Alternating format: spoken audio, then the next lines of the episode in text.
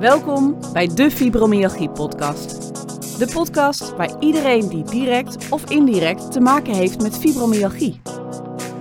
Dit is de plek waar jij ontdekt hoe je een leuk, gezond, positief en vooral zinvol leven kunt leiden als je te maken krijgt met deze diagnose. Ik ben Eline Koenjer en ik ben ervaringsdeskundige. Ik maak deze podcast namens de patiëntenvereniging VES. Dat is de afkorting voor fibromyalgie en samenleving. In deze podcast ga ik in gesprek met verschillende experts op het gebied van deze onzichtbare aandoening.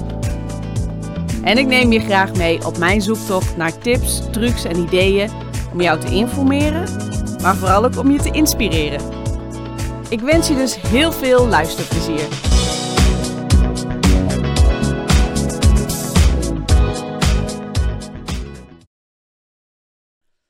Hallo lieve luisteraars, daar ben ik weer met een nieuwe top 10.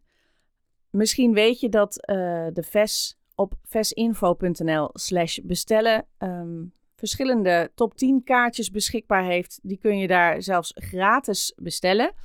Um, maar ik vond het leuk om ze ook in de podcastserie uh, mee te nemen. Want dat zijn even een, nou, een aantal korte tips op een rijtje die je kunnen helpen om je leven te veraangenamen. En deze keer gaat het dus over bewegen. Um, ja, bewegen heeft een goed effect voor mensen met fibromyalgie. Dat is bewezen. Maar daarmee starten is echt niet altijd even makkelijk. En uiteraard spreek ik uit ervaring. Als je elke dag moe bent en je hebt elke dag pijn, is het echt niet altijd het eerste waar je aan denkt: hé, ik ga lekker even bewegen. Bovendien moet uh, de sport ook een beetje bij je passen of de vorm van bewegen. Ik uh, maak daar nog een, uh, een podcast over wat voor mij werkt. En dat is namelijk wandelen. Dus daar heb ik een hele aparte podcast aan gewijd. Dus die kun je binnenkort vinden.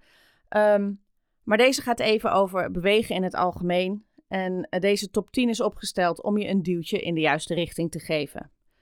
Nou, op nummer 1 staat bewegen is gezond. Ja, uh, beetje een open deur. Maar juist voor mensen met fibromyalgie is bewegen gezond. Om je, om je lijf soepel te houden, om in beweging te blijven. Uh, want van bewegen word je geestelijk en lichamelijk sterker. En daarmee kunnen we uh, de dag ook gewoon beter volhouden.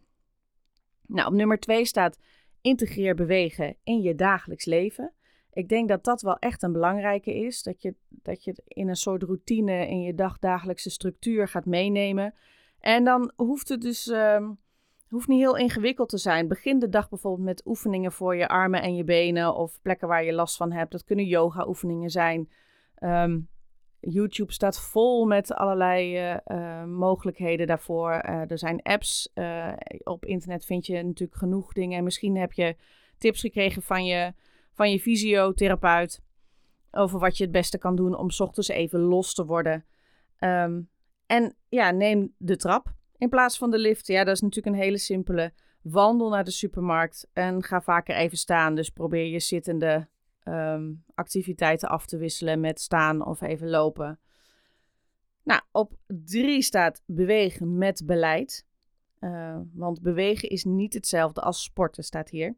Bewegen kan namelijk op allerlei manieren. Je hoeft niet je per se in het zweet te werken in de sportschool. Uh, bewegen kan ook zo simpel zijn als een stukje lopen of een stukje fietsen. Of inderdaad um, even je, eh, je zittende activiteiten afwisselen met uh, wandelende activiteiten. Doe je telefoongesprekken even terwijl je in de kamer of buiten uh, loopt. Dat helpt dan een heel stuk. En probeer ook uit of het bij je past.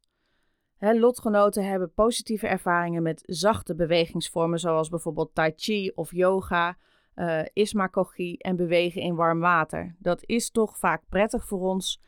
Um, ja, omdat dat uh, uh, makkelijker vol te houden is, denk ik, met pijn in je lijf. En het zorgt juist weer voor wat extra soepelheid. Ik heb ook zeker heel veel baat bij het beoefenen van yoga. Um, op nummer 5 staat: maak het inzichtelijk.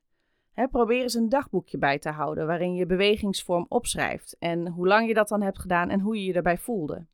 En dat kan je dan weer helpen om een prettig patroon te vinden dus als je, als je daar even aantekeningen van maakt, dan kun je voor jezelf bepalen: hé, hey, als ik dit dagelijks doe, dan uh, voel ik me daar fijn bij. En dat motiveert om naar eh, om na een paar maanden even terug te lezen. En dan kan je ook zien hoeveel je gegroeid bent. En dan bedoel ik niet in omvang. 6. Zoek een maatje.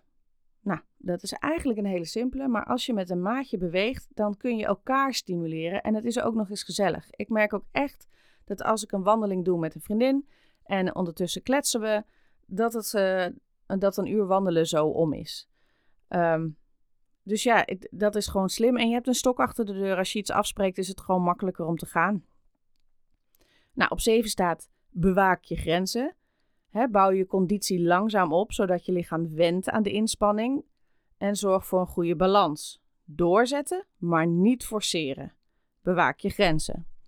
Ik heb zelf ook de neiging om, als ik dan ergens mee begin, om meteen volle bak te gaan. En vervolgens uh, ben ik de volgende dag zo kapot en heb ik zoveel spierpijn dat uh, het best moeilijk is om weer verder te gaan. Dus kleine stapjes, vraag niet te veel van jezelf.